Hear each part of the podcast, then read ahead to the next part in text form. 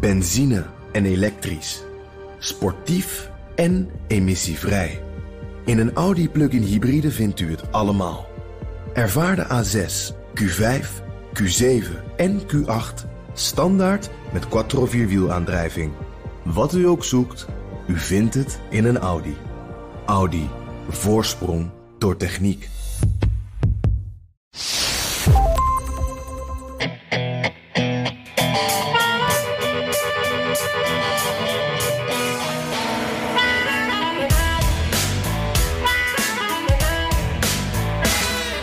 Schuldig, maar onschuldig. Dat was de boodschap van de Republikeinse leider Mitch McConnell. Beroemd om zijn orakeltaal na de vrijspraak door de Senaat van Donald Trump. There's no question, none, that President Trump is practically and morally responsible for provoking the events of the day.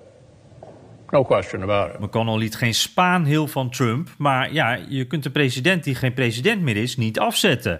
Terwijl hij de behandeling van de impeachment zelf had uitgesteld tot na de inauguratie van Joe Biden. En intussen hield Biden de schijn van onverstoorbaarheid op, want ja, het land moet door. Nummer 45 vuurt vanuit Florida zijn volgelingen aan. Nummer 46 eh, zit dat in het Witte Huis te negeren. Dit is aflevering 64 alweer van de Amerika-podcast. Mijn naam, is Jan Posma. Zoals gebruikelijk ben ik te vinden aan mijn eettafel in Washington.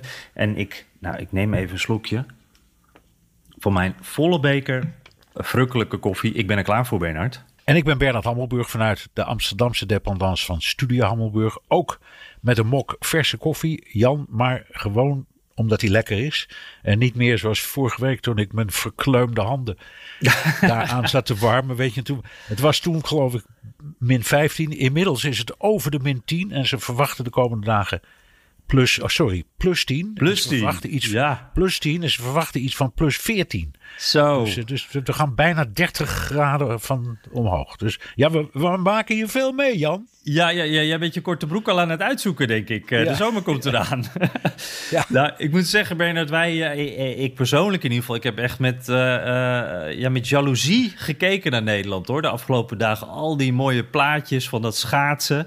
Eh, hier eh, kon dat allemaal niet. Hier bleef het een beetje Hollands eh, qua winter eigenlijk. Eh, je, je hebt ook gezien, hè, in Texas, daar gaat het helemaal los nu. Maar hier in Washington was het een beetje, ja, een beetje nattig, een beetje drapperig, een beetje sneeuw, dan was het weer weg. Maar de politieke thermometer, eh, die staat nog steeds op eh, standje kookpunt. Eh, elke keer als je denkt dat die strijd tussen de Republikeinen en Democraten bekoelt, dan hoor je bij wijze van spreken al de, de serpenten sissen in de slangenkuil. En eh, er valt weer veel bij te roddelen. Maar dat doen we zo, hè Bernard? Want het, het einde van de impeachment, dat betekent eigenlijk ook een beetje het begin van Bidens presidentschap. Daar moeten we het misschien eerst maar eens even over hebben. Ja, eerst eens kijken hoe Biden het na een maand bijna ervan afbrengt. Hij pakt ontzettend veel tegelijk aan. Maar ik, ja, van, bij alles wat ik zie en hoor en hem hoor zeggen, is corona is en blijft nummer één. Hè? Ja, precies. betreft. Ja. Ja. Daar zijn ze ook echt heel consequent in. Want dat was het tijdens de campagne natuurlijk ook al. En ze laten zich echt niet afleiden. Ehm, dat, dat steunpakket natuurlijk, hè, van die 1900 miljard dollar, dat moet door het eh, congres. En daarvoor gaat hij eh, deze week het land in, eh Biden. Vlak nadat wij elkaar spreken. Dit is op dinsdagavond Nederlandse tijd. Ehm, vlak nadat wij dit gesprek opnemen, dan gaat Biden op campagne met een CNN Town Hall in Milwaukee. En donderdag gaat hij dan nog naar Kalamazoo in Michigan. Hij bezoekt daar een Pfizer-fabriek waar vaccins worden gemaakt. Eh, en dat is eigenlijk zijn manier om eh, eh, ja, de mensen ook een beetje klaar te maken. Hij heeft al veel gesprekken gehad met gouverneurs, ook met republikeinen, om, om steun te vergaren voor dat coronaplan. Steun zit erin voor staten en ook bijvoorbeeld die checks hè, van 1400 dollar. Ehm, en, en, en ja, Biden eh, wil eigenlijk een beetje de, de eindsprint inzetten daarvoor. Eh, de, dat, die is blij dat die impeachment voorbij is en, en die wil nu hiermee door. Want vij- 14 maart, dan loopt een aantal van die lopende hulpmaatregelen, die loopt af. En daarvoor probeert hij dat eh, ja, door dat congres te krijgen. En daar wil hij dus ook de, de, de, druk wat voor opvoeren op die republikeinen. Want er zijn nog steeds twee dingen die tegelijk lopen. Hij zegt wel, ik wil dit eigenlijk met steun van de republikeinen doen. Maar ondertussen is hij natuurlijk dat pad ook al ingeslagen... waardoor hij het ook zonder Republikeinen in het con, congres gaan, kan spelen.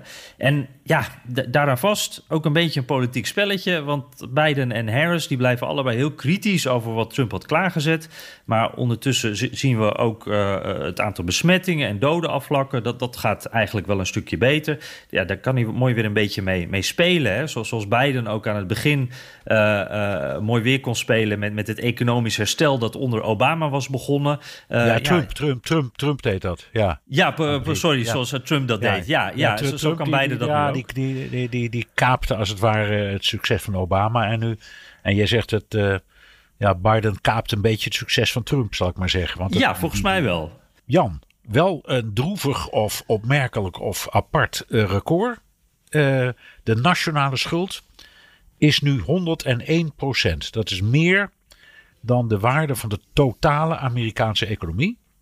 En daar zit die 1900 miljard steunpakket nog niet eens in. Ja. Dus ja, daar kan op, met zo'n start kan, daar kan Biden toch geen mooi weer mee gaan spelen. Nee, dat, dat is natuurlijk iets uh, wat ook wel uh, wat hij te horen krijgt en, en nog meer gaat krijgen. Maar dat, is ook iets waarvan hij. Daarvan kan hij dan juist weer zeggen: uh, kijk eens hoeveel geld Trump heeft uitgegeven. En, en, en de schuld die Trump heeft achtergelaten. en en dat, dat is ook iets dat moet hij wel doen. Want die Republikeinen die, die roeren zich nu al over hoeveel geld socialist Biden uit wil geven. Waardoor het land natuurlijk kapot gaat, volgens hun. Maar ja, als Biden een socialist was met zijn gratis geld, dan is Trump dat natuurlijk ook wel een beetje geweest. Want die gaf ook gratis geld weg. Ja, ja we hebben het er ook over gehad. Ze, eigenlijk waren ze het in afval over het steunpakket aan de gewone burger eens. Hè? Ja, het gaat even niet, niet, niet, niet over de belastingen en, en het bedrijfsleven, maar de gewone, ze hadden allebei, dan moet ik eerlijk zeggen, Trump net zoveel als Biden misschien wel, oog voor de problemen van de doodgewone uh, Amerikaan. Ja, ja, denk ik ook. ja. Nou, er staan nog eh, veel meer dingen eh, op eh, de to-do-lijst van Joe Biden. Ehm, hij is bezig met het wegnemen van de obstakels tegen Obamacare. Trump, de Trump-regering heeft geprobeerd om dat op alle mogelijke manieren te blokkeren. Dat is niet helemaal gelukt, maar wel voor een stukje met dat Obamacare. Um, en nu heeft Biden, vind ik, wel iets slims gedaan. Hij, heeft, hij is naar het Hoge Rechtshof gestapt Eigenlijk met de volgende vraag. We hebben destijds een, een, eh, een wet ontworpen. Eh, die is gericht op het, eh, het verlenen van steun aan zoveel mogelijk Amerikanen die het eigenlijk niet kunnen betalen. En als je daar kleine stukjes uitknipt, wat de vorige regering heeft geprobeerd, ja, dan valt dat geheel uit elkaar. Dus ik wil dat graag eigenlijk terugbrengen naar zijn oorspronkelijke vorm. En daarvoor wil ik graag de steun van de rechtbank. Hm. Dat vond ik wel een slim. Ik had dat nooit kunnen bedenken, maar ik vond het wel een aardige, vind je niet? Ja, nee, zeker. Ja, ja. Dus het, we hebben zo lang inderdaad steeds zijn alle die puzzelstukjes eruit gehaald. En, en hij, uh, ja, hij probeert dat dus eigenlijk ook snel weer uh, terug te draaien. Ja, en dat is ook belangrijk, omdat er bij een heleboel mensen verloopt de Obama polis, zal ik maar zeggen, die moet vernieuwd. Nou ja, dus die mensen die willen niet in de kou staan. En dan is die uh, dan heeft hij allerlei pretentieuze plannen over de infrastructuur. Maar daar hebben we het al eerder over gehad in de podcast. Dat zegt elke president sinds Eisenhower al. Dat hij dat wil. ja. Dus ik ben benieuwd of het hem gaat lukken. Maar eigenlijk hoopt iedereen dat. En ik denk de Republikeinen ook. Omdat dat, het, het, het timmeren aan de, aan de infrastructuur, dat levert zo enorm veel banen op. Mm dus, dus het is gewoon, je gewoon mensen nodig die dat eh, ontwerpen, maar ook die het uitvoeren. Dus, dus, en, en dat, is, dat is heel aantrekkelijk. Dus ik hoop dat er van komt. Uh, immigratie is hij mee bezig. Hè? Dus hij heeft de, de grens weer opengezet voor vluchtelingen. Uh, hij is bezig met uh, de gezinshereniging. Weet je wel, van die, die kinderen die werden gescheiden van ouders. Nou, dat, ja, dat is natuurlijk iets hartverscheurends. Dus dat is sympathiek. En dan die hele ingewikkelde affaire van die 11 miljoen illegale. Dat, dat wil hij toch ook echt doorzetten. Hè? Dat hij niet zegt ze mogen zomaar blijven, maar ze moeten wel uh, de gewone procedure gaan doorlopen die iedere immigrant doorloopt. Hè? Dus uh, netjes aanvraag doen. Mm-hmm. En, dan, uh, en dan lees ik steeds maar over allerlei plannen over de hervorming van het rechtsstelsel. Wat, wat wil die nou precies veranderen in dat rechtsstelsel, Jan? Ja, dat, dat gaat eigenlijk over uh, beleid wat ook uh, minderheden uh, meer raakt. Dat, dat gaat bijvoorbeeld over strengere regels voor politieagenten, dat daar meer toezicht op komt. een beetje in het verlengde van, van George Floyd en, en, de hele beweging daaromheen natuurlijk. hij wil ook bijvoorbeeld een einde maken aan verplichte minimumstraffen. dat gaat dan bijvoorbeeld over drugsgebruikers, drugsdealers, de kleinere gevallen, zeg maar. daar zitten ook in verhouding veel meer zwarte Amerikanen tussen die daardoor uh, achter de tralies komen. Uh, hij wil zelf ooit natuurlijk als senator een van de mensen die uh, aan de oorsprong stond van dat soort minimumstraffen. Maar dat wil hij dus weer, weer, weer terugdraaien eigenlijk.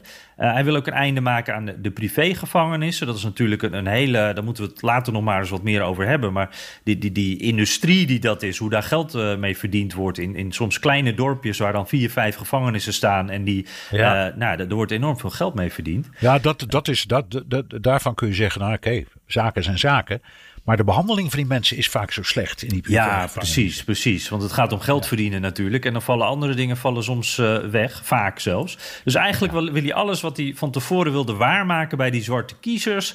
Uh, toen afgelopen zomer de mensen hier de straat om gingen om George Floyd, om al die andere gevallen van politiegeweld en alles wat daarmee te maken heeft. Die wil hij eigenlijk uh, tegemoet komen en laten zien: kijk, ik ben ook echt voor jullie aan de slag.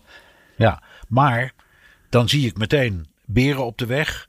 Want um, het succes van Trump, die 74 miljoen mensen die op hem hebben gestemd, had hij voor een belangrijk deel te, denken, eh, te danken aan dat thema van law and order.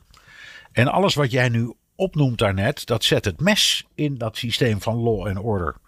Tenminste, zeker in de ogen toch van ja, de mensen die uh, boos waren op Black Lives Matter en de plunderingen ja. en, en het inslaan van de ramen en noem allemaal zo. Dus ja, is dat niet een beetje tegen hun zere been? Ja, absoluut. En de, dan zeg je inderdaad van alle mensen die boos waren op Black Lives Matter. En dat zijn natuurlijk uh, over het algemeen waren dat de Trump supporters. Dat, dat zijn de mensen die ook die pro-politievlaggen aan, uh, aan hun pick-up truck vastbinden. dat zijn ook over het algemeen, niet allemaal, maar over het algemeen wel ook blanke Amerikanen natuurlijk die daar boos over zijn. En, en dus ik, ik heb het gevoel dat hier een beetje ook de emotie bij zit. ook bijvoorbeeld bij dat immigratiebeleid terugkomt. Um, Republikeinen die, die, die, gaan, die, die hebben hier echt een, een gevoel bij, een, een, een, negatief gevoel. Dit is echt een emotioneel onderwerp voor hun. Uh, en, en ik denk dus, uh, ja, dat, dat gaat er enorm veel uh, tegenkrachten oproepen onder die, onder die Republikeinen. Die geloven in het hard optreden, dat hard straffen. dus die gaan hier echt tegenin. Maar. Ja, ik, ik, bedenk nu, ja. ik bedenk nu plotseling. De, de, de, ik geloof dat de de uitvinder van Three Strikes and You're Out. Ja. Als ik me goed herinner, was dat Rudy Giuliani toen die burgemeester was van ah. New York. Ja, ja, ja. En dat was destijds, dat herinner je je misschien, werd hij gezien als een hele progressieve republikein. Maar wel een man van law and order. En inderdaad, dat was een verschrikkelijk misdadige stad.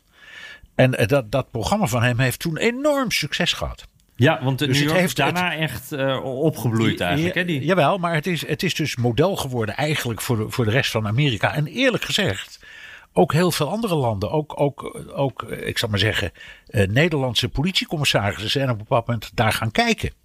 Mm -hmm. hoe, hoe, hoe die dat deed. Het was een ontzettend interessante periode. Waarbij je eerst denkt, hè, bah, zo streng straffen om iemand die alleen maar uh, een stukje kauwgom op straat uitspuugt. Want zo ging het echt. Mm um, en achteraf zei iedereen, nou, er zit toch wel wat in hoor. En als mensen eh, herhaald recidief gedrag vertonen, dan moet je ingrijpen. Ja, want enfin, eigenlijk was ze toch drie keer uh, veroordeeld. De, de, dan, uh, wegens hetzelfde, wegens ja. hetzelfde delict. En dan krijg je de, de zwaarste straf. Ja, ja. En, en, en dat natuurlijk vaak. Ja. ja. ik wilde nog zeggen, daar zit natuurlijk ook een bepaalde de, de, willekeur. Het is heel erg consequent, maar tegelijkertijd kan je dus inderdaad voor, voor iets kleins dan ineens een enorme straf krijgen. En dat, dat is wel, uh, daar is ook veel kritiek op natuurlijk. Ja, het komt allemaal in gevangenissen en die zijn overvol. Kost geld. En het is wat het is, en het is, wat het is maar dat is dan voor, ik geloof, bijna twee derde zwart in heel ja. Amerika. Ja. Dus dat iemand als Biden, die zich heeft gecommitteerd aan het lot van de zwarte bevolking, zegt: ja, linksom of rechtsom, maar ik ga er wel wat aan doen, dat begrijp ik wel. Ja, ja, en dan hebben we het nog niet eens over uh, de wapens, uh, Bernard. Want dat is natuurlijk iets waar uh, mensen echt boos van worden. Ja, want Ja, want zijn insteek is eigenlijk hetzelfde een beetje als wat Obama deed. Niet tegen wapens, maar wel tegen zware wapens. Ja, precies. En op het moment dat, op, op het, moment dat het woord wapen valt in Amerika, dan gaat iedereen op tilt en dan roepen ze meteen: blijf met je fikken van het tweede amendement af. Afijn. Dus dat wordt ook nog een leuke, toch? Ja, zeker. Daar komt ook heel wat emotie bij kijken. Ja, ja. ja zie, zie je dat? Hoor je dat al om je heen? Over nou, dit onderwerp? Ja, ik, ik, dat, dat is. Uh, uh, ik bedoel, ik, ik, heb de laatste tijd uh, niet veel mensen gesproken buiten Washington de afgelopen week. Dus, dus niet persoonlijk, maar wel wat ik voorbij zie komen op social media. En, en ik volg ook bijvoorbeeld het account van de NRA, de wapenlobby. En daar zie je, daar, daar maken ze heel duidelijk dat, dat die, die, die link tussen. hey, we hebben nu een democratische president. die gaat nu alles erdoor krijgen wat wij niet willen. En pas op ook voor je wapens. Uh, nou ja, de, de, de, kerstkaartjes van de NRA, die hadden allemaal met Biden en met wapens te maken die afgepakt uh, werden. Dus je voelt wel, je ziet dat daar wel een opbouw in zit. En de wapenverkoop gaat altijd omhoog. Hè. Op het moment dat een democraat president dreigt te worden, dan denk je... Ja, nog even snel inslaan. Ja, ja precies. ja. Oké, okay, Jan. Dus dat, ja. uh, het woord impeachment is al gevallen. Het is, het is niet anders. Het blijft nog, misschien nog wel een paar keer vallen. We hebben het erover gehad. Uh, en en uh, ja, het was vooral mijn indruk, jou ook wel een beetje geloof ik, dat Biden helemaal geen zin had in die impeachment. En ik vond ook, terwijl zich dat afspeelde de afgelopen dagen, voor onze ogen, dat ik, ja, dat hij, dat hij het eerder het gevoel had dat hij een soort, een soort beproeving door moest. dan dat hij het zag als een moment van revanche. Ja. Hij, hij, hij, hij, keek, hij keek het letterlijk en figuurlijk met ledenogen aan. Was dat ook jouw indruk? Ja, ja en daarbij was hij ook uh, zo voorzichtig. Ik denk dat hij uh, zich er erg bewust van was. En ook de mensen om hem heen zich er heel bewust van was, hoe, waren hoe gevoelig dit ligt. En, en hoe groot het gevaar eigenlijk was dat de boel zou ontsporen. En dat de verhoudingen dan helemaal verprutst zouden zijn. En dat dat natuurlijk ten koste van zijn geplande beleid zou gaan. Dus hij, hij wilde er helemaal niks over zeggen. hij benadrukt ook steeds: hè, dit is aan de Senaat, dit gaat langs mij. en uiteindelijk zei hij ook dat ik mooi het is aan mijn republikeinse vrienden om hier een oordeel over te geven. En, en dat was, ja. uh, vond ik mooi omschreven. Um, Had hij gelijk in, want uiteindelijk ja. ging het erom hoeveel uh, van de republikeinen zouden meestemmen. Dus de, van, de, van de democraten stond het al vast. Mm -hmm. Ja, precies. En uh, ik denk ook uiteindelijk, als je dat zo een beetje bekijkt, die, die voorzichtigheid van Biden. Uh, de, de, Democraten in het congres, die, die voelden dat uiteindelijk ook wel met hem mee. Uh, ik, ik, denk dat, ik heb zelf het gevoel dat er ook wel een beetje druk bij gekomen is vanuit het Witte Huis, al zal niemand dat zeggen. maar zaterdag bijvoorbeeld, hè, toen, toen zaten we allebei in verschillende tijdzones naar die impeachment te kijken. En toen was even sprake van dat er getuigen zouden worden opgeroepen. En dat alles dus een stuk langer zou duren. Dat we misschien weken of maanden nog wel langer met die impeachment aan de gang zouden gaan. Dat was een grote verrassing. Hè? Uh, alles is natuurlijk volgekookt. En uh, nou, ik, ik, zat met open mond te kijken. Want ineens gebeurde er iets wat niet volgekookt was. En uh, toen riepen boze republikeinen ook meteen van ja, als jullie dat gaan doen, die getuigen oproepen, dan, dan krijgen jullie niks meer door het congres. Ik dacht dat het nou, ik ben even. Oh ja, Joni Ernst uh, uit Iowa, uh, Republikeinse senator. Die zei ook meteen: jullie krijgen. Er, komen geen genomineerden komen meer door de Senaat. Uh, geen beleid meer. Dan krijgen jullie niets meer. En, en toen was ook daarna het ja. vrij snel duidelijk dat ze niet die getuigen op gingen roepen. En dat toch heel snel voorbij was. Ja, laat, laten we nog even door die impeachment heen lopen. Hè? Het, ja. Het, in principe, het werkt altijd zo dat het Huis van Afgevaardigden. dat stelt de impeachment in en benoemt dan aanklagers, die heten dan plotseling managers, maar het zijn gewoon leden van het huis. Mm -hmm. En, die, en die doen de aanklachten en dan, gaat, dan komt het in, in, uh, in de Senaat en daar zijn advocaten die dan de aangeklaagde um, verdedigen. Wat vond je van de presentatie van die democraten? Ja, nou, ik, ik vond dat de democraten echt een goed verhaal hadden. Uh, het was goed onderbouwd. Uh, er zaten veel beelden bij die, die, die het onderbouwden. En het was denk ik echt een goede aansprekende combinatie tussen feiten. Uh, waarom kan Trump bijvoorbeeld wel worden veroordeeld? Republikeinen zeiden van niet, maar Democraten zeiden van ja, dat kan wel. We zijn die impeachment gestart toen hij nog president was. En ze hadden allerlei precedenten voor het, de, daarvoor hadden ze gevonden. ook goed neergezet wat deed Trump en wanneer deed hij. Dus ze, ze zetten neer hoe uh, ja, gewelddadig uh, het allemaal was geweest. Maar ze gaven ook heel goed de context tot maanden daarvoor en ook op de dag zelf wat de rol steeds van Trump was. Uh, en, dus naast die feiten zat er ook die, die emotie van uh, het geweld, wat de, de soldaten door, of soldaten, ja, de, de, de agenten toen nog doormaakten, uh, wat congresleden ook zelf doormaakten. En ja, het is natuurlijk gedeeltelijk ook voor de mensen die thuis zitten te kijken. en ik vond dat ze daar wel echt een goede, goede toon te pakken hadden. en die emotie, die wil ik wel even laten horen. hier bijvoorbeeld senator Dean, die, die had haar persoonlijke verhaal van die dag. Someone shouted up to us. Duck, then lie down, then ready your gas masks. Shortly after, there was a terrifying banging on the chamber doors. I will never forget that sound. Shouts and panicked calls to my husband and to my sons, instructions to flee, and then the constant whirring of the gas masks filtering the air. En ja, dit, dit was een heel persoonlijk verhaal dus. En zo maakte ze het steeds op, vond ik wel de goede momenten ook wel persoonlijk. Maakte op mij persoonlijk ook wel, wel indruk.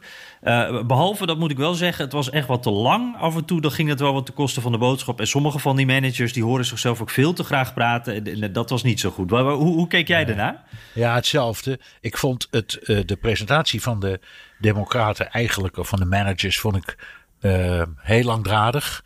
Um, maar wel verstandig opgebouwd. De eerste, eerste, moment, eerste dag eigenlijk zag je alleen maar van die beelden, die verschrikkelijke beelden van het kapitool. En toen dacht ik steeds, nou en, er is een rel geweest, ja. maar waar is de aanklacht? Ja, en de tweede dag, die, hebben ze, die tweede dag hebben ze helemaal gebruikt om te zeggen, ja, maar het kwam door die man, Donald Trump. Ja. Dus dat was, laat ik wel zeggen, als uh, Netflix-aflevering was best goed opgebouwd, toch? ja, precies, precies. Ja, en ik had ook wel bewondering voor degene die de, de video uh, uh, bemande. Want jij weet ook, bij elke presentatie is het gevaar heel groot dat er toch iets misgaat of dat het helemaal niet goed ging. Het ging gewoon helemaal super snel en, en goed en, en het werd geen enkel moment onderbroken.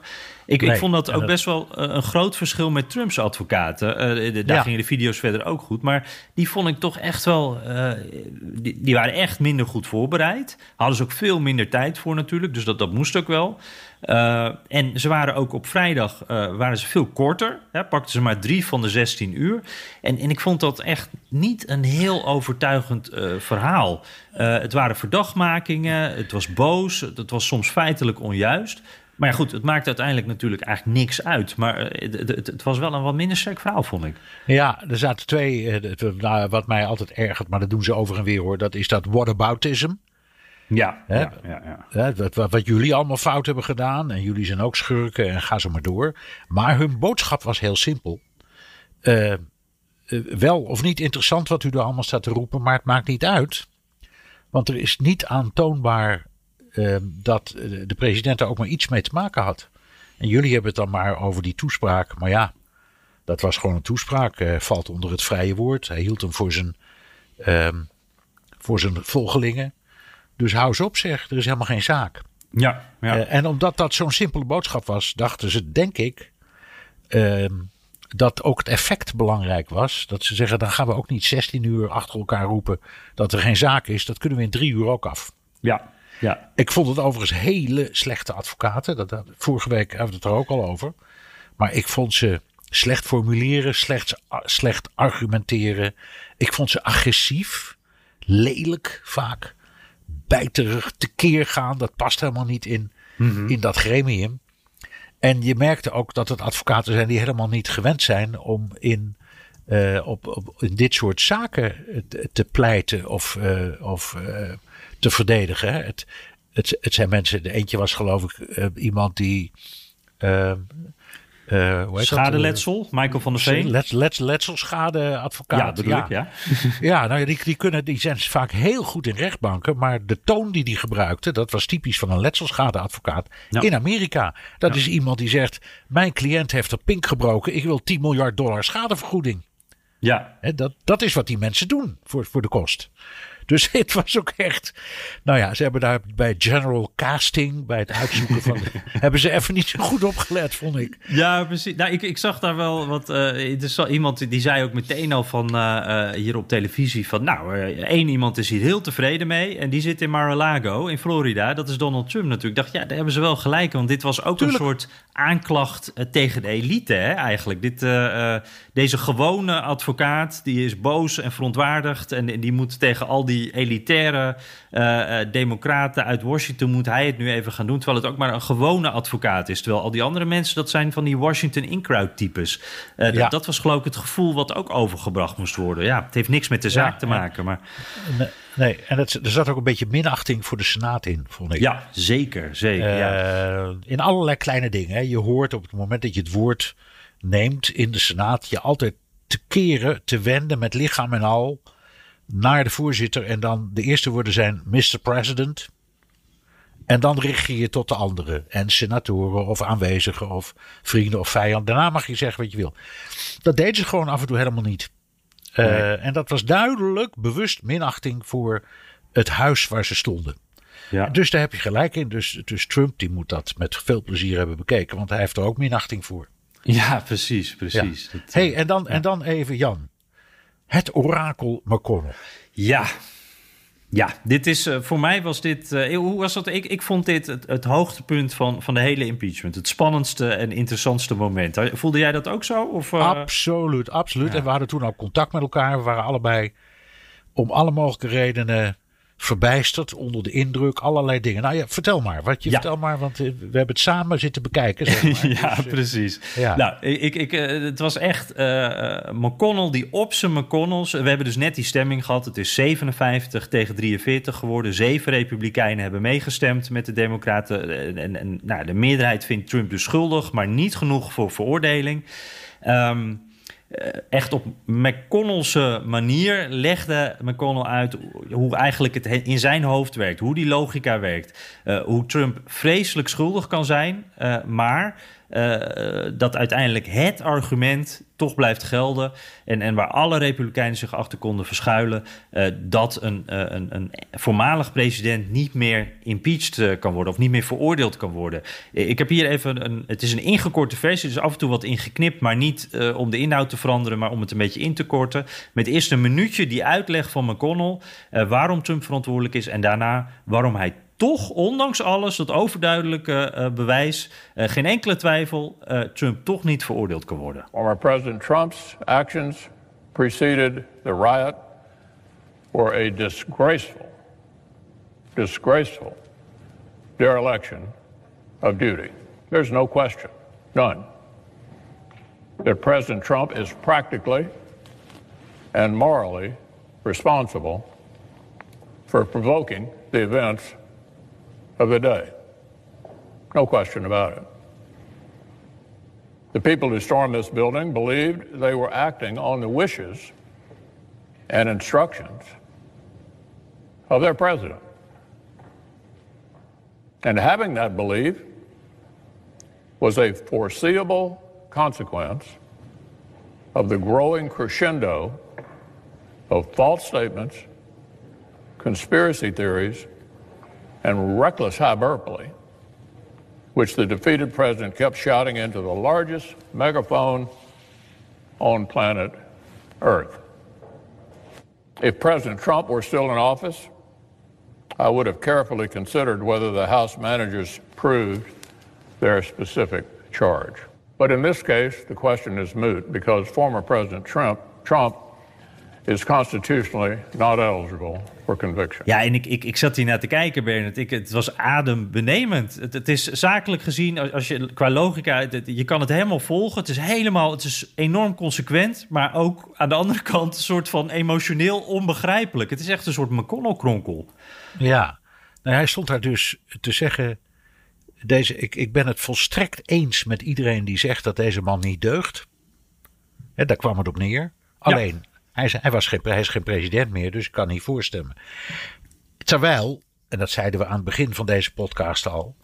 Terwijl het aan hem lag dat het gebeurde toen hij geen president meer was. Ja. Want toen die impeachment was ingesteld door het huis. Toen was, toen was eh, Trump nog president. En als McConnell, die toen nog de leider was van het huis, van de Senaat, had gezegd: Oké, kom maar. Dan was de zaak meteen behandeld. Dan was hij nog president geweest. Maar hij heeft gewacht totdat hij geen president meer was. En zegt vervolgens: Ja, ik kan hem niet veroordelen, want hij is geen president meer. Ja, en dan moeten we toch, Maar denk hij- ik... eh, eh, ja? Ja, maar hij is wel schuldig. Alleen Ja, hij is niet schuldig. Ja. Ja, en het, het is echt, eh, ik denk dat democraten die niet, verrast, eh, niet heel verrast zullen zijn, denk ik hierdoor, maar, maar toch wel eventjes een moment eh, hadden waarop ze allemaal even hun vuisten zo eh, in frustratie balden van, eh, nou, het gebeurt weer op zijn McConnells. Maar wa- wat, eh, we moeten even in zijn hoofd duiken, denk ik, van die McConnell. Ik, ik heb het, ik, ik, ik weet nooit helemaal wat er, maar je weet bij hem dat er een bepaald opportunisme is. Die man die schaakt altijd een paar stappen, eh, kijkt hij vooruit. Eh, ik denk dat McConnell ook heeft gedacht, ja, ik, ik wil hier in ieder geval niet verantwoordelijk eh, voor zijn. Laat de Democraten dat, dat vieze klusje maar oppakken. en nou ja, dan kijken we wel hoe de wind gaat. En, en toen McConnell zag dat het hem toch waarschijnlijk niet ging worden, toen dacht hij van laat dan ook maar. Dan moet, moet iemand anders het maar regelen. Zoiets denk ik. Wat denk jij? Nou, ik denk dat hij. ehm, dat is waar. Hij schaakt op een schaakbord tegen de, tegen de Democraten, maar ook tegen zijn eigen Republikeinen. Omdat zijn boodschap een beetje is. ehm, een heleboel van jullie flirten met Trump. Dat mag, ik ga dat niet tegenhouden. Maar ik wil voor mezelf wel even duidelijk gesteld hebben dat ik hoop dat de partij wel het gedachtegoed van Trump overneemt, maar niet de man zelf. Ja. Want die man deugt niet. Ja. Hij speelde het enorm op de man. Niet Klopt, op het ja. gedachtegoed van eh, Trump. Dus ik dacht steeds maar, het feit dat hij het zo op de man speelt, betekent jongens, van die man moeten we af. Maar Ja. niet van de ideologie van die man. Dat wil ik ook niet gezegd hebben. Nee. En, eh, en, en ik wil hem daarom, daarom ook niet helpen afzetten. Bij wijze van spreken. Ja, dat, is ja, niet, ja. dat was, dat, dus ik denk dat dat, ik zou maar zeggen, het schaakbord onder zijn linkerhand was. ja, precies, precies. Dat is mooi gezegd. Ja, nee, dat, dat, dat- ja, dat denk ik eh, dat je daar gelijk in hebt. Ja, en uiteindelijk, eh McConnell die zit een beetje tegen zijn eh, pensionering aan. Dus die, die, die kan hier misschien ook wel... Ik, ik heb het idee dat hij... Nou, het zou wel eens kunnen dat dit zijn laatste termijn is. En als je ook kijkt naar de andere tegenstand, de, de, de, of de, ja, de mensen die eigenlijk voor de veroordeling hebben, geste- hebben gestemd, zes van de zeven hoeven zich niet te verantwoorden eh, de komende verkiezingen. En er is maar eentje die echt binnenkort aan de beurt is. Dat is Li- Lisa Murkowski. Eh, en die zegt van, eh, ja, ik, ik pak het wel zoals het komt. Dit moest ik nou eenmaal doen. Maar dat is eigenlijk de enige persoon die echt, denk ik, een groot risico heeft genomen. Ja, dat is Alaska, hè? Ja, klopt. Ja. Ook Ja, een republikeinse staat. Ja, maar volgens ja, altijd een republikeinse staat, maar heel onafhankelijke republikeinse staat. In hun emotie. Dus ik denk dat ze er best mee wegkomt. Eh, als die verkiezingen komen binnen twee jaar. Dus Mhm. ik, ik denk dat het een calculated risk was. Maar het kan ook zijn dat er, er, zijn, er zijn ook politici met een geweten, Jan. En met principes. Ja, moet ook niet vergeten. Het komt, het komt voor. Ja. Ja. Hey, en, en dan, en dan die, ze kregen wel, al die tegenstanders kregen wel ongelooflijk op hun lazer. Hè? Zowel in hun eigen staten als, eh, als van de partij. Ja, precies. Ehm, Dus eh, ja, je had Liz, Liz Cheney, congreslid. Eh, de vrouw van de beroemde. eh, ja, de dochter. ah, de dochter van, sorry, van de beroemde vicepresident Cheney onder Bush. Ja. Eh, die, die, die is een anti-Trumpist is, wat me altijd heeft verbaasd. Want dat is nogal een. Nou ja, dat is iemand die hard inzet, zal ik maar zeggen. Eh, maar maar zij, zij, ja, zij is ook, wat dan heet, heeft ook een reprimande gekregen. Hè? Wat, Ja. wat, wat, houdt dat, wat houdt dat nou in, zo'n censure? Wat, wat, wat gebeurt er dan met je eigenlijk? Ja, het, is een soort tik op de vingers. Eh, je wordt eigenlijk te terecht gewezen do- door eh, de, de mensen thuis die zeggen van wacht eventjes, hiervoor hadden we jou niet eh, in dat congres neergezet. Jij verwoordt op dit moment niet wat wij willen dat, dat, dat jij, dat, dat jij verwoordt. Jij, niet onze wil, niet onze mening. En eh, dat, dat gebeurde op verschillende plekken. Dat, dat eh, congresleden, zowel in het huis als de senaat, dat die eh, zo, zo'n tik op de vingers kregen. Dat, dat, dat zegt ook wel wat over de Republikeinse Partij, hè, die op veel plekken echt fanatiek achter Trump blijft staan. En en nou, nog wel een heel uitgesproken voorbeeld daarbij. Adam Kinzinger. Uh, dat is wel een, een heel mooi voorbeeld. Dat is ook een, een uh, van het Huis van Afgevaardigden een lid. En die is eigenlijk naast dat hij zo'n terechtwijzing kreeg... ook door zijn eigen familie verstoten. die, die kreeg een brief van een deel van de familie. Hij heeft heel veel neven en nichten. Het is een enorme familie. En een groot deel daarvan, ik geloof dat echt meer dan tien... die hadden die brief ondertekend. En die zeiden van, ja, je hebt ons teleurgesteld doordat je dus ja, voor impeachment hebt gestemd. Je hebt God teleurgesteld. Wij willen je niet meer kennen. Die man die is door een deel van zijn familie dus verstoten. dat zijn de, de dingen die die congresleden dus thuis over zich heen krijgen.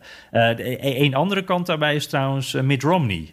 die, werd niet, die kreeg geen tik op de vingers. Dus die, daar, daar zei de partij in Utah eigenlijk heel, ja, heel ja, hoe zou je het willen noemen? Eigenlijk heel terughoudend. Die zeiden van, nou ja, goed, dit is wat hij gezegd heeft. Uh, dit is zijn werk, ja. dus prima. Ja, dat is ook wel. En natuurlijk is bij Romney is het zo. Die is vanaf de eerste dag anti-Trump geweest. Ja, dat was altijd duidelijk. De eerste, ja. eerste dag dat hij senator werd, of dat, dat ze elkaar uh, ontmoeten in hun functies, altijd anti-Trump geweest. Dus het is ook wel consequent. Het was wonderlijk geweest als hij anders had gestemd. In dit geval. dat is waar, dat klopt. Ja, ja. ja. Hey, en dan, en dan, uh, ja, dan riepen CNN en MSNBC voortdurend tot vervelens toe. Dit is de most bipartisan impeachment ever. Er hebben nog nooit zoveel leden van een andere partij meegestemd met de ene partij. En ik dacht, Amahula zeg. Wat is dat voor... Het gaat om een paar uh, losse mensen. Trump heeft gewoon gewonnen. Ja, ja. Nou ja on, onder de streep is dat ook gewoon zo. Ja. Ja.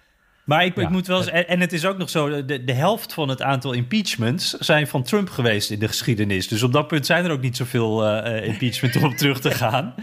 Nee, maar, maar ik, ik moet, ja, het, het, is denk ik allebei waar. Want, want het, het, is inderdaad uh, uh, de, de most bipartisan impeachment. En tegelijkertijd denk ik ook, ja, als je kijkt naar. Ja, er is nog wel één dingetje waar, waar, wat mij opviel daaraan. Als je naar die verklaringen van die Republikeinen kijkt, ook van de mensen die voor onschuldig hebben gestemd, veel daarvan die waren wel hard tegen Trump. Daar zat wel een bepaalde ja, die, die, een tendens in van hij was eigenlijk wel schuldig of hij heeft dingen verkeerd gedaan.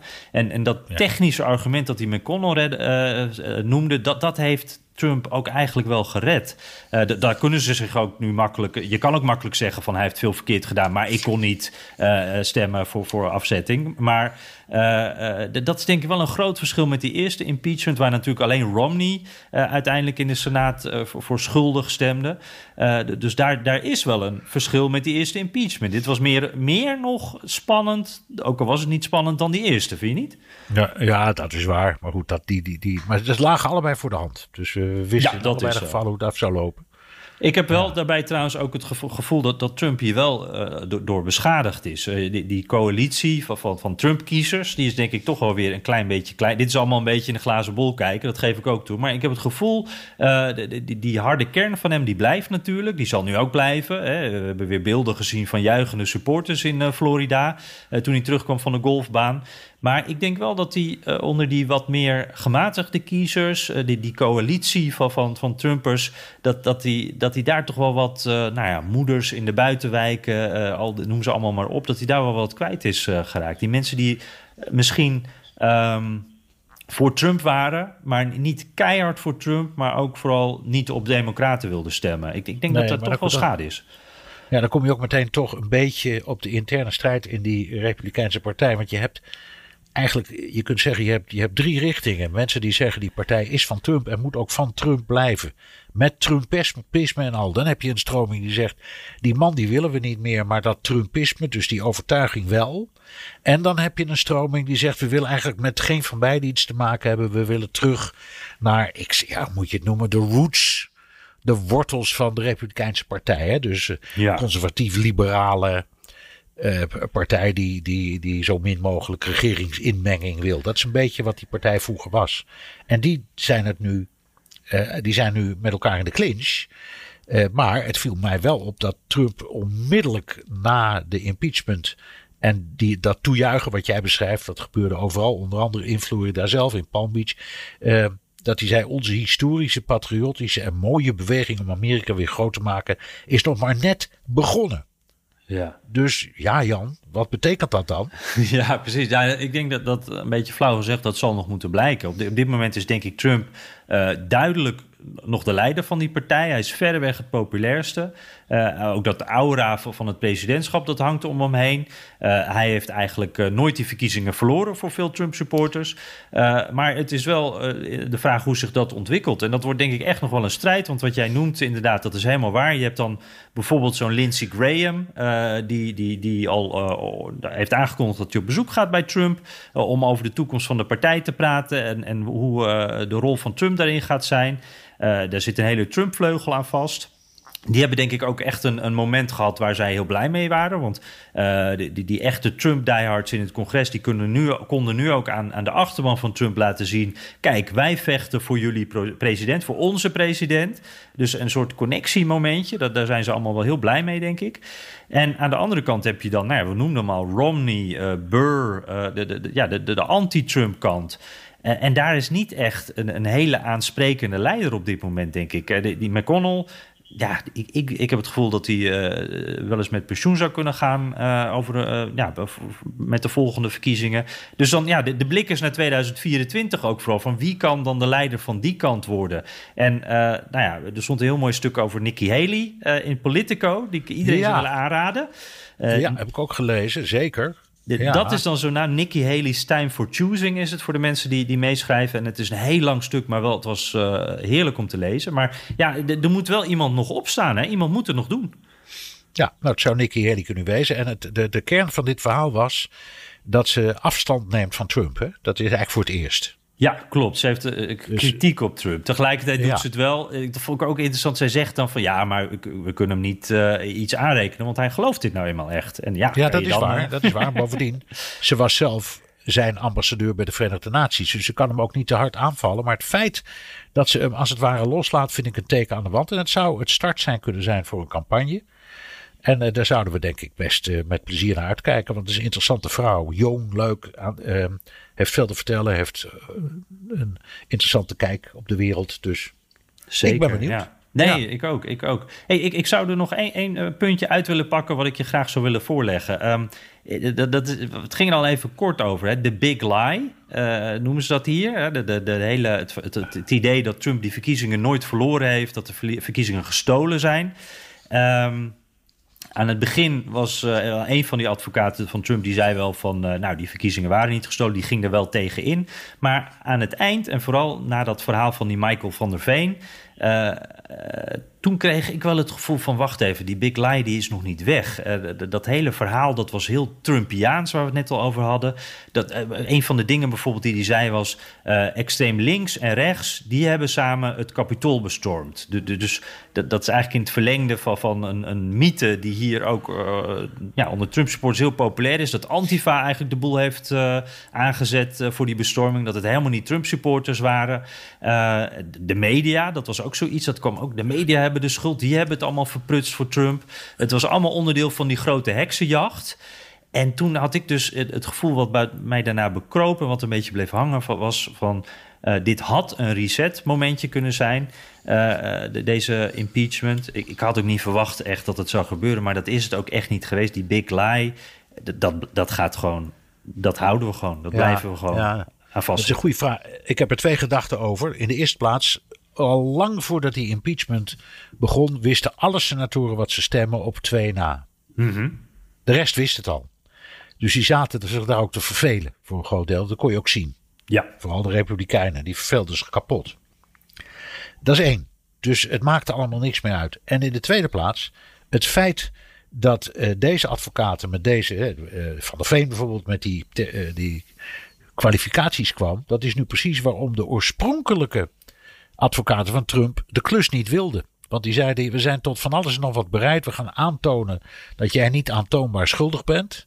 Maar we gaan niet doen aan die flauwekul over gestolen verkiezingen. Dan, dan huren we iemand anders. Dat heeft hij gedaan. En die doen, doen dat wel. Zo simpel mm -hmm. is het. Ja. ja. Dit, dit is wat hij wilde horen. Nou, dat heeft hij gehoord. Ik weet niet als je daarna McConnell hoorde, of dat nu het argument is dat bij de meeste uh, Republikeinen is blijven hangen. Ik bedoel, bij de meeste senatoren. Wel de kiezers hoor. Ja. Maar die senatoren die weten wel beter. Kom op zeg. Ja, inderdaad. Maar ja, zolang die kiezers uh, dat blijven geloven, eh, ben ik bang dat dus een deel van die senatoren daar ook in blijft uh, hangen. Dus nou ja, daar is het laatste woord ja. ook niet over gezegd nog.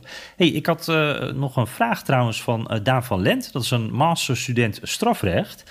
en dat ging over wat we vorige keer hadden besproken over die impeachment. Um, zal ik dat eens even gedeeltelijk voordragen? Um, ja. Hij zegt, uh, al wekenlang is Bernard aan het uitleggen hoe een impeachment juridisch geen stand zal houden. Er valt volgens hem niet aan te, aan te tonen dat enkel die speech daadwerkelijk de Trumpisten naar het kapitool geleid heeft. Ik ben geen Amerikaans jurist, maar een Nederlandse. Maar buiten het feit dat ik wel degelijk denk dat dit juridisch te kwalificeren is. Uh, Bernard noemt steeds enkel de speech. Uh, maar uh, ook de opruimende weken daarvoor moeten we meenemen. Uh, vraag ik me ook af of het überhaupt wel uitmaakt. Het is immers de Senaat die beslist, geen rechter. Dus het is helemaal geen juridisch proces. Het is wel degelijk nee, politiek. Ja, twee dingen daarover. In de eerste plaats, jij hebt dat ook steeds als argumentatie gebruikt. Hè? Wij zijn het daar niet mee eens met elkaar. Jij zei, je moet kijken naar die hele voorgeschiedenis. En dat, dit, was, dat was allemaal een opmaat naar die vreselijke speech. Dat is jouw redenering. En dat was mm -hmm. ook de redenering van uh, de House Managers. Dus ja, die, de, van de Democraten. In feite, in feite ook van Daan, Daan van Lent zegt in feite hetzelfde. En, en ik zeg, dat is wel of niet zo. Maar als je het puur juridisch bekijkt, kun je, uh, de, kun je hem, daar gaat het alleen maar om, niet ervan beschuldigen dat go fight for it of zoiets betekent val aan en breek de boel af. Mm -hmm. En dus is het niet een juridische, maar een politieke keuze uiteindelijk. En dat was het ook. Ja. Dus ik denk, ik denk dat er, voor een jurist was dit een ABC'tje. Maar er was bovendien nog een ander argument. Hè. Het blijkt steeds duidelijker dat uh, uh, die, die opstand en het geweld, dat dat lang van tevoren was voorbereid. Daarmee draait de bewijslast zich af van Trump. Ja, Want als, als je het groepen, zo nauw neemt ja. en, en, en het ja, over die... Juridisch, ja. juridisch, precies. En, dat, en, en goed, we praten hier tegen een jurist over een juridische kwestie. Het was mijn juridische opvatting. En Daan, ik ben geen jurist, jij wel. Dus misschien weet je het wel beter. ja, ja, ja. En, en nog even Bernard, hè, is, kan je het dan jouw standpunt zo samenvatten dat je zegt van ja, ik zie ook wel dat er, uh, natuurlijk is het een politiek proces, maar een juridische basis maakt dat politieke verhaal gewoon een stuk sterker. Is dat wat je zegt? Zeker. En als het iets is, kijk, er staat uh, high crimes and misdemeanors. De, een, een geheimzinnige formulering over wat nu eigenlijk berecht wordt. Uh, dat, dat ging voornamelijk over hoogverraad. Mm -hmm. uh, maar misdemeanors zijn overtredingen. dus het, kan, het, kan, het is een heel breed vlak. en biedt ook ruimte voor interpretatie van, ook, van het, ook in puur juridische zin. Maar ik draai het om. En ik zeg, als je het echt juridisch speelt, dan kun je iemand met een opruiende speech niet verwijten dat daarna mensen de boel eruit in gaan slaan. Dat kun mm. je niet. Dat is niet. En, en, en hier wordt toch een beetje gekeken naar, ja, ik zal maar zeggen, wat er in, in, Nazi-Duitsland destijds gebeurde. Waar opruiende speeches wel degelijk hebben geleid ook tot, tot, tot geweld. Hè. Denk aan, aan, aan de vernielingen van Joodse eigendommen, de Kristalnacht. Dat is ook alleen maar aangezwengeld door een speech, nergens anders door. En daaraan voorafgaande een hele opmaat van toenemend racisme. Dus ik begrijp de redenering wel. Maar juridisch, blijf ik zeggen, is dit een niet haalbare. Politiek wel. Maar die hebben ze niet genomen. Nee, nee, ik denk trouwens wel, om dat nog eventjes af te sluiten dan... Uh, ik heb wel het gevoel dat er... Uh, we hebben wel heel duidelijk de, de beperkingen van een politiek proces gezien... Uh, de afgelopen week met die impeachment. Ik hoopte, een beetje naïef misschien... ik hoop dan toch altijd dat er meer antwoorden komen. Maar die komen er dan niet, hè? Er komen eigenlijk alleen maar meer vragen komen meer vragen. En, en, nogmaals, alles stond van tevoren vast. Op ja, twee senatoren na wist iedereen van tevoren. Ook als er geen woord was gezegd, was de uitkomst hetzelfde geweest. Ja, hey, nog even heel kort. Hij zegt ook nog: uh, uh, jij hebt wat gezegd over. Uh, nou ja, dat politici veel mogen zeggen. En dan maakt je de vergelijking met Wilders. En Daan die zegt nu van ja, de, de, de, rechtbank heeft Wilders wel degelijk veroordeeld voor aanzetten tot discriminatie en groepsbelediging. En het gerechtshof heeft dit beperkt tot, en, tot enkel groepsbelediging. Ja. Het valt Ja, dus wel degelijk buiten het domein van vrijheid van meningsuiting. Ja, nee, maar het is toch goed vergelijkbaar. Want ze hebben gezegd, ja, het mag niet, maar hij krijgt geen straf. Want hij is politicus. Ja, Als die redenering hier was gevolgd, nou, dan had hetzelfde, was hetzelfde gebeurd. Dan hadden ze in Nederlandse eh, formulering gezegd, dat had die meneer Trump niet mogen zeggen. Maar we kunnen hem er niet voor vervolgen. Ja, Of hij krijgt geen straf. Dus het ligt niet zo ver uit elkaar hoor. prima. Eh, Daan, Ja. dank in ieder geval. En eh, blijf sturen, die vragen. Eh, waarderen we zeer, wij als niet-juristen. Ehm, ja, moeten we het nog even over Cuomo hebben, Bernard? Ja, tuurlijk. Dat, ja, we- hadden hem eh, zo'n beetje heilig verklaard hè, aan het begin van de coronacrisis. Want toen keken we met bewondering naar zijn, eh, eh, zijn verhalen op de televisie. Hij kreeg zelfs een Emmy voor, hè, voor die persconferenties.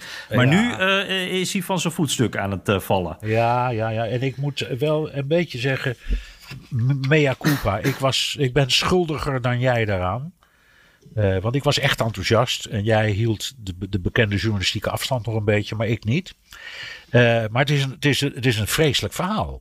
Want het blijkt dus dat hij eh, coronapatiënten uit ziekenhuizen heeft laten weghalen. En ze vervolgens in verzorgingshuizen of eh, verzorgingsinrichtingen, verpleeginrichtingen heeft laten dumpen. En we weten ook precies door, een, een, doordat ehm Associated Press een beroep heeft gedaan op de wet eh, openbaarheid bestuur.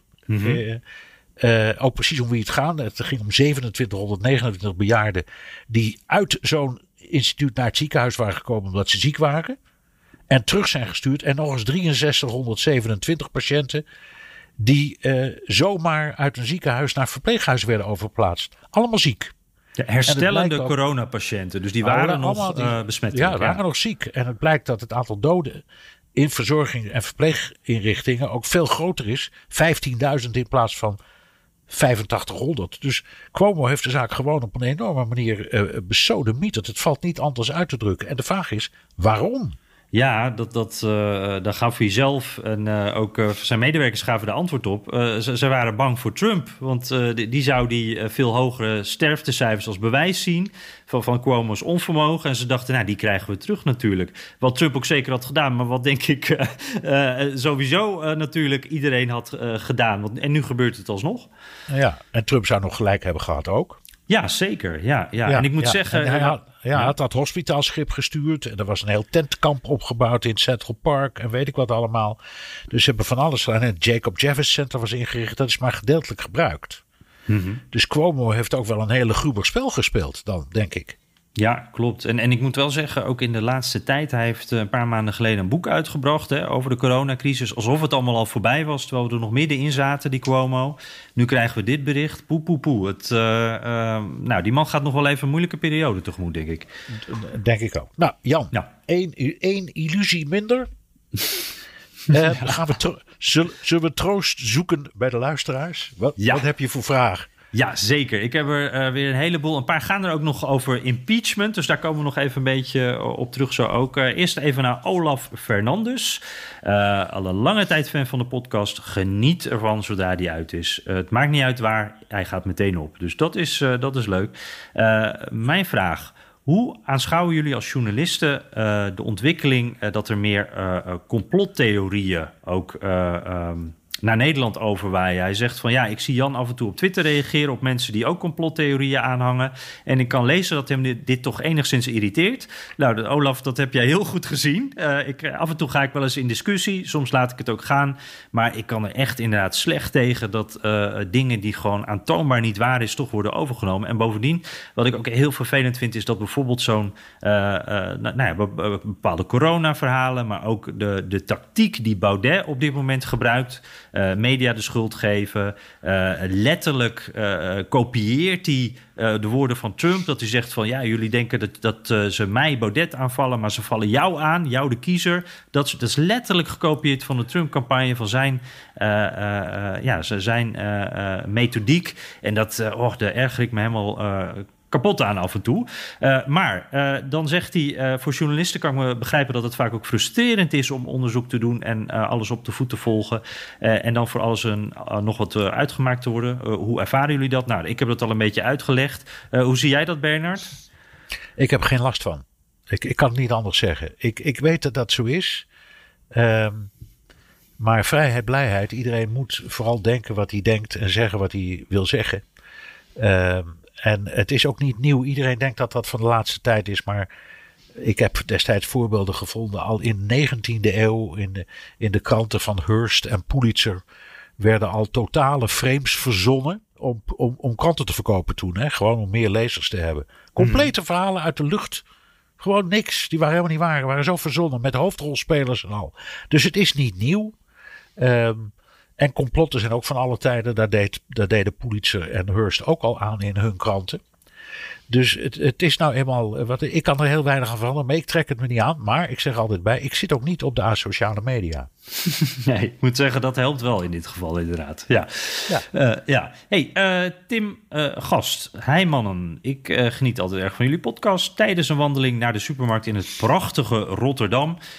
zelf ben ik van plan om in september, als het dan weer kan, voor een half jaar te gaan studeren in Austin. Ik kijk er enorm naar uit en ben benieuwd wat jullie van Austin vinden. Hebben jullie nog tips? Weet je nog een leuke kroeg, Bernard, in ah, Austin? Nee, nou, dat weet ik niet meer. Maar ik vind het een geweldige stad. En het is een soort oase in Texas. Want Texas is toch een tamelijk die strak aan de leer, zal ik maar zeggen, die staat. En, de, en Austin is echt een soort oase van, ja, van studenten, studentenleven, kunstenaars, allerlei mensen van alle, elke denkbare pluimage. Links en rechts, alles kan daar gewoon ontzettend leuk. Hele goede keus. Ja. Absoluut, ik kan hem zeker aanraden. Live muziek, eh, lekker eten, barbecue. Uh, de, de, de LBJ Library moet je ook absoluut even heen. Oh ja, oh, ja tuurlijk. Genoeg uh, daar te doen. Dus uh, we zouden het zeker aanraden. Ook al is het er nu heel koud, geloof ik. Maar normaal gesproken ook lekker weer daar. En hij noemt dan ook nog ehm, een boek. Oh ja, ik had begrepen dat Bernard een Vietnam-veteraan slash specialist is. Je bent natuurlijk niet letterlijk een veteraan als in een soldaat. Maar je hebt dat wel meegemaakt van dichtbij. En ik vroeg mij af of hij het boek Kiss the Boys Goodbye... van Monica Jensen Stevenson en William Stephenson kende. Hij ligt bij mij nog op de plank om te gaan lezen. Ik ben benieuwd wat Bernard ervan vindt. Is het allemaal waar ja, gebeurd of weet je over het Nou, ik vind, het, ik vind het heel mooi aansluiten bij wat hij vraagt. Want heel veel mensen vinden dat boek een complotboek. Ah, waar gaat het eh, over? ik ken het, het, niet. Gaat, het gaat over uh, krijgsgevangenen die de Amerikanen hebben laten stikken in Vietnam. Hmm. En uh, dit echtpaar, Canadezen zijn het volgens mij, die hebben daar ooit een heel onderzoek naar gedaan en allerlei namen boven water gehaald. Maar er zijn anderen die dan weer, zoals dat gaat nu, wat je net ook beschrijft op Twitter. Er zijn anderen weer geweest die zeiden: ja, maar die feiten kloppen helemaal niet. Of die persoon is wel gevonden, of het is anders gegaan dan jullie zeggen. Maar het, het, is heel indrukwekkend onderzoek. En ik zou het in elk geval lezen. Ik zelf, uh, ja, ik heb er mijn twijfels over. Maar ik heb het ook in één ruk uitgelezen. Heel oud boek al trouwens hoor. Ah. Het is, nou, het is al, uh, ja lang geleden verschenen, maar ik heb het gelezen. Ja. Klinkt, uh, klinkt in ieder geval uh, interessant. Um, Sonja van Kalkeren. Uh, ja, daar komen we weer even op het kapitool. Trump wordt aangeklaagd, maar waarom hoor ik niets over die vijf doden? Is zij daar dan niet verantwoordelijk voor? Zo niet, wie dan wel? Um, ja, dat is dezelfde vraag. Als de Senaat vindt dat hij niet schuldig is, dan is hij nergens schuldig aan, ook niet aan die doden. Maar uh, als er een uh, strafrechtelijk onderzoek komt, of stel als de nabestaanden een straf, of een, hoe heet het, een geld willen ja, zien. Maar dan komen, ja, maar dan komen ze toch terecht. Kijk, we weten heel veel van de daders, hè? Hmm. Er is ontzettend veel videomateriaal, er zijn heel veel arrestaties verricht. Dus dat, er lopen nu al procedures tegen mensen die dit soort dingen hebben gedaan. Dus ik denk echt dat het strafrecht zich richt op de daders. En de mhm. daders kunnen dan in hun verhoor zeggen: ja, maar mijn medeplichtige heet Donald J. Trump. Dat zou kunnen gebeuren. Maar als iemand een moord pleegt, kijk je in de eerste plaats naar degene die de trekker heeft overgehaald. Ja, duidelijk. Sonja, die uh, valt uh, heerlijk in slaap regelmatig bij jouw stem, Bernard. Oh jee. Intiem, hè? Ik, ik uh, ja, zal ik verder mijn mond houden? ja, kan ja, dan blijf je nog even luisteren. Erik van Tongeren, die zegt... oh ja, dat gaat ook over het kapitol en de impeachment... Ehm, hij verbaast zich soms een beetje op de visie van jou, Bernard. Een voorbeeldje is de opmerking uh, dat Democraten voor paal zouden staan omdat ze niet genoeg stemmen hebben om die impeachment erdoor te krijgen. Het lijkt me dat vooral de Republikeinen die Trump nog uh, steunen te kijk staan, zeker gezien de ernst van de gebeurtenissen. Um, ja, Uh, en hij, Nou ja, ja, laat, dus zal ik de, de- sorry, ik pak het tweede stukje er meteen even bij, want hij concludeert dan een beetje. In het algemeen lijkt Bernard eh, vaak het frame van de Republikeinen over te nemen. Ja, dat is een fantastische vraag. Ehm, ik ben blij dat u die verstelt, meneer Van Tongeren. Ehm, ja. Maar het is natuurlijk volstrekte onzin. Eh, ik, ik draai het om. Hij neemt een standpunt in. Want hij zegt, die, die, die Trump is zo overduidelijk een schurk. En er zijn zulke verschrikkelijke dingen gebeurd. Dat iedereen die dat op de een of andere manier in een andere context plaatst dan deze is medeschuldig. Eh, en die is dan waarschijnlijk ook eh, een antidemocraat. Ik, ik draai het helemaal om. Ik kijk steeds maar met veel moeite en voortdurend aan de hand genomen door mijn vriend Jan Postma op dit ingewikkelde pad naar hoe, zo, hoe we zo dicht mogelijk bij de werkelijkheid komen. En dat doen we niet door voortdurend te roepen dat, de, dat republikeinen allemaal niet deugen en dat Trump alleen maar idioot is geweest vier jaar lang. Daar komen we er niet mee. Ehm, en in deze procedure hebben we gedaan wat wij worden geacht te doen, namelijk een overwegingen laten horen over wat we ervan vinden, hoe we denken dat het is geloopt en de toekomst, eh, de afloop voorspelt en die is ook uitgekomen. Dus om nou te zeggen, ben je daarmee eh, antidemocratisch? Helemaal niet. Sterker nog, ik, ik heb mijn hele leven nog nooit bij één politieke partij gehoord. Ik ben nog nooit lid geweest. Ik zit bij verkiezingen altijd met mijn handen in mijn haar op wie ik in vredesnaam moet stemmen. Maar ik ga stemmen. En als dat de volgende vraag zou zijn, meneer Van Tongeren. In dit geval had ik op Biden gestemd. Daar, daar, daar, daar, daar wil ik helemaal geen misverstand over laten bestaan hoor. Maar gewoon omdat ik echt vond dat Trump eh, op een schandelijke manier eh, een zootje van heeft gemaakt. Eh, maar dat wil helemaal niet zeggen, bijvoorbeeld in de tijd van tussen Obama en McCain, weet ik dat ik heel lang twijfelde. Want ik vond die McCain eigenlijk een moordgozer. Ja, ja. Geweldige man. Die En- had ik het best gegund en ik denk Ja. dat hij het ook best had gekund. Dus, nou, ben ik dan een, ben, heb ik dan een hekel aan democraten? Nee hoor, ik, heb, ik hou van de democratie. Dat is eigenlijk het beste antwoord. Ja, ja dat is eh, altijd. eh, ja, en, en ik denk dat we, we proberen hier ook eh, vaak te verklaren. Hè? Het is niet dat we, als wij proberen vanuit het oogpunt van de Republikeinen iets te vertellen, betekent dat niet dat dat het standpunt is waar wij ook zelf achter staan. Dat, Nee, nee. en je moet eens kijken hoeveel, dat zou, ook wel gebeuren, maar ik krijg ook regelmatig mailtjes of berichtjes eh, van mensen die ik ken, eh, van pro-republikeinen, zeggen: En je hebt alweer in die podcast niet verteld wat een geweldige schurk die Biden is. En dat het onderzoek naar zijn zoon nog steeds niet is afgelopen. Ik vertel dat nu expres en ik laat dat dan weer weg, omdat ik zeg: Ja, maar ik ben ook geen roeptoeter voor de republikeinse propaganda. ja, eh, dat, eh, dat is ons werk natuurlijk ook, de selectie daarin. Precies, En, we eh, moeten daar ja. een beetje, we moeten daar heel prudent mee omgaan. Ja, Eh, even kijken. Nou, dat lijkt me in ieder geval een heel duidelijk antwoord. Ik zie eh, Winston Moengra. Daar hebben we eigenlijk al een beetje antwoord gegeven op zijn vraag. Dus ik ga er nog eentje pakken we erbij. En dan moeten we echt afronden. Want ik weet niet hoe het bij jou is, maar de bodem van mijn kop koffie Nou, is echt in zicht. Koffie is op. Koffie Ja, daarom. Dat- en dan kunnen we niet verder. Ehm, Ik loop droog. ja, ja, daarom. Eh, Jan Bakker, eh, die zegt... eh, hoop dat alles eh, goed is in Amsterdam. Waarschijnlijk pittoresk op dit moment. Nou, ja, de sneeuw is net weg daar, hè. En Washington. Eh, en die eh, zegt... eh, in veel verklaringen, bewijsvoering... wordt steeds door democraten en ook de media aangegeven... dat Trump in bijna alle rechtszaken heeft verloren. Het gaat over de verkiezingsuitkomst dan. ja. En dan komt het zelfs in de rechtszaken... waar de rechter door Trump benoemd was. Daar snap ik helemaal niks van. Want wat je dan implici- impliciet aangeeft... is dat met de benoeming van een rechter door een president... er ook een soort van genegenheid naar die president is... eh, of hoort te zijn. Dus hij vraagt zich eigenlijk af, hoe kan dat nou? Een rechter moet onafhankelijk zijn. Tegelijkertijd is hij aangesteld door een politiek iemand. Is hij dan nog wel onafhankelijk? Wauw, dat is een hele goeie. Ehm, het antwoord is gelukkig is een rechter onafhankelijk. Ook in Amerika. We praten hier alleen over federale rechters. Hè? Dus lokale rechters worden gekozen in de verkiezingen. Daar kun je ook van alles op tegen hebben trouwens. Ehm, maar in het federale systeem worden ze voorgedragen door de president en benoemd door de Senaat. En inderdaad, een republikeinse president zal de neiging hebben om eh, rechters te zoeken die in zijn gedachtegoed leven. Meer. Eh, en een democraat zal weer denk, meer denken aan eh, rechters die eh, zijn gedachtegoed delen. Maar het zijn rechters. En ze leggen een ambtseed uit als federaal rechter. Dus op het moment dat, dat ze dat worden, dan zullen ze altijd recht spreken volgens eh, wat de wet voorschrijft. Dat kan niet anders en dat gebeurt ook. Het is soms wel een beetje politiek gekleurd, maar dan gaat het altijd over wat ik dan altijd maar noem de niche van de politiek. Dingen als abortus, homorechten. Ja, hoe vreselijk het ook klinkt dat ik het zo uitdruk. Maar de gewone grote zaken. Mhm. Eh, en we hebben er alles meer problemen door gehad als ik het zo zeg. En toch zeg ik het zo. De gewone grote zaken die dagelijks voor rechter komen, daarin is die rechter echt compleet onafhankelijk. Dat, dat moet ook zo en daar geloof ik ook in hoor. Ja. En overal worden rechters benoemd. Hè? Ook in Nederland worden ze benoemd. Misschien niet, eh, dat is dan niet zo afhankelijk van de regering. Er is een commissie voor, dat is, gaat een hele diepe weg. Maar uiteindelijk zijn het benoemingen. En luister maar naar Geert Wilders, die altijd zegt: dat is een stelletje D66'ers.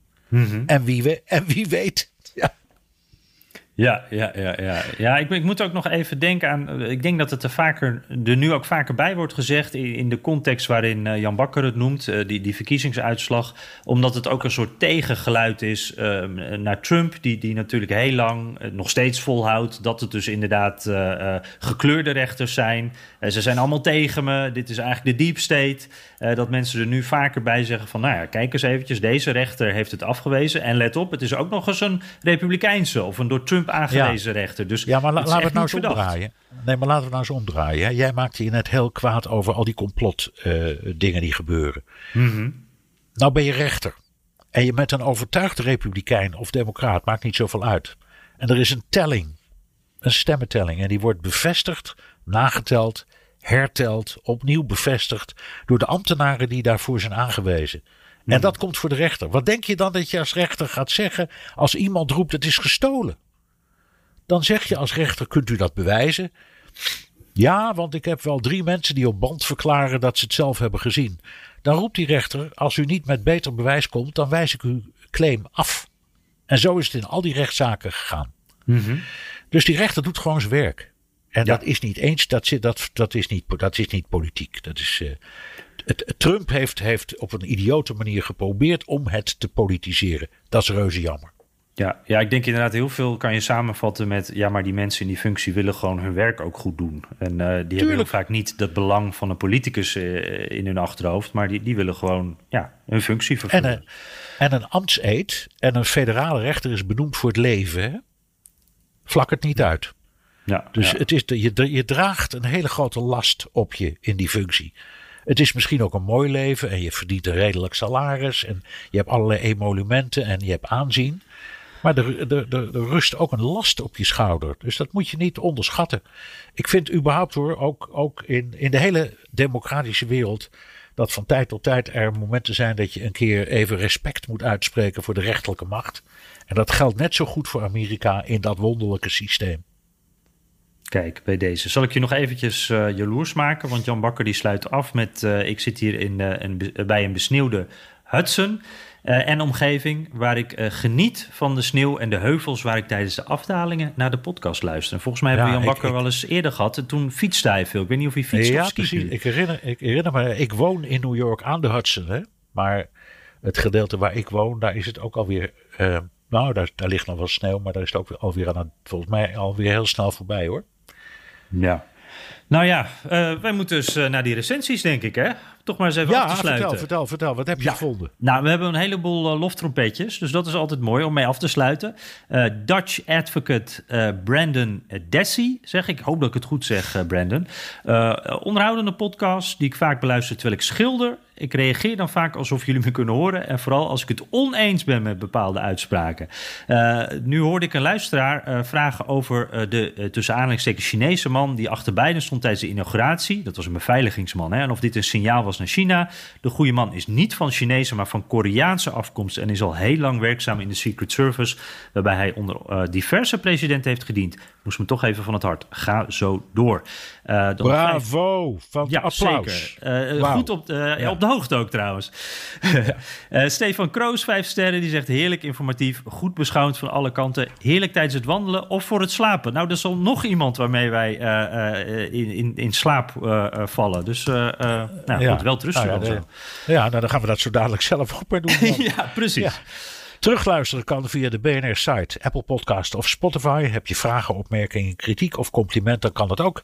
Met een tweet naar Jan Postma USA of BNR De Wereld of heel ouderwets met een mailtje naar dewereld.bnr.nl. Ja, en laat ook zoals altijd even weten hoe je naar ons luistert en waar. Hè? Of dat uh, tussen de besneeuwde bergtoppen rond de Hudson is of uh, ergens anders. Uh, en ja, ik bedenk me nu ineens, vorige week sloten we af met de vraag van... nou, zouden we nog in die impeachment zetten volgende week? Volgens mij dachten wij van wel. Het was dus niet zo, hij is al voorbij. Dus nee, we kunnen nee, nu... En, en, en, en Biden, die moet zitten denken... jongens, wanneer gaat het verhaal een keer over Biden en niet over Trump? Precies. Nou, laten wij daar eens aan gaan werken voor uh, volgende week dan. We gaan lekker vooruitkijken vanaf nu. De impeachment is voorbij.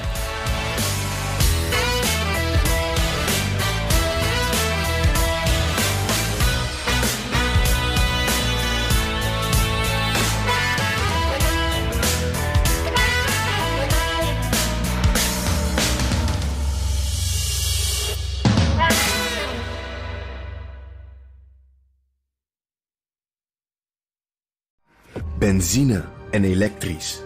Sportief en emissievrij. In een Audi plug-in hybride vindt u het allemaal. Ervaar de A6, Q5, Q7 en Q8 standaard met quattro vierwielaandrijving. Wat u ook zoekt, u vindt het in een Audi. Audi. Voorsprong door techniek.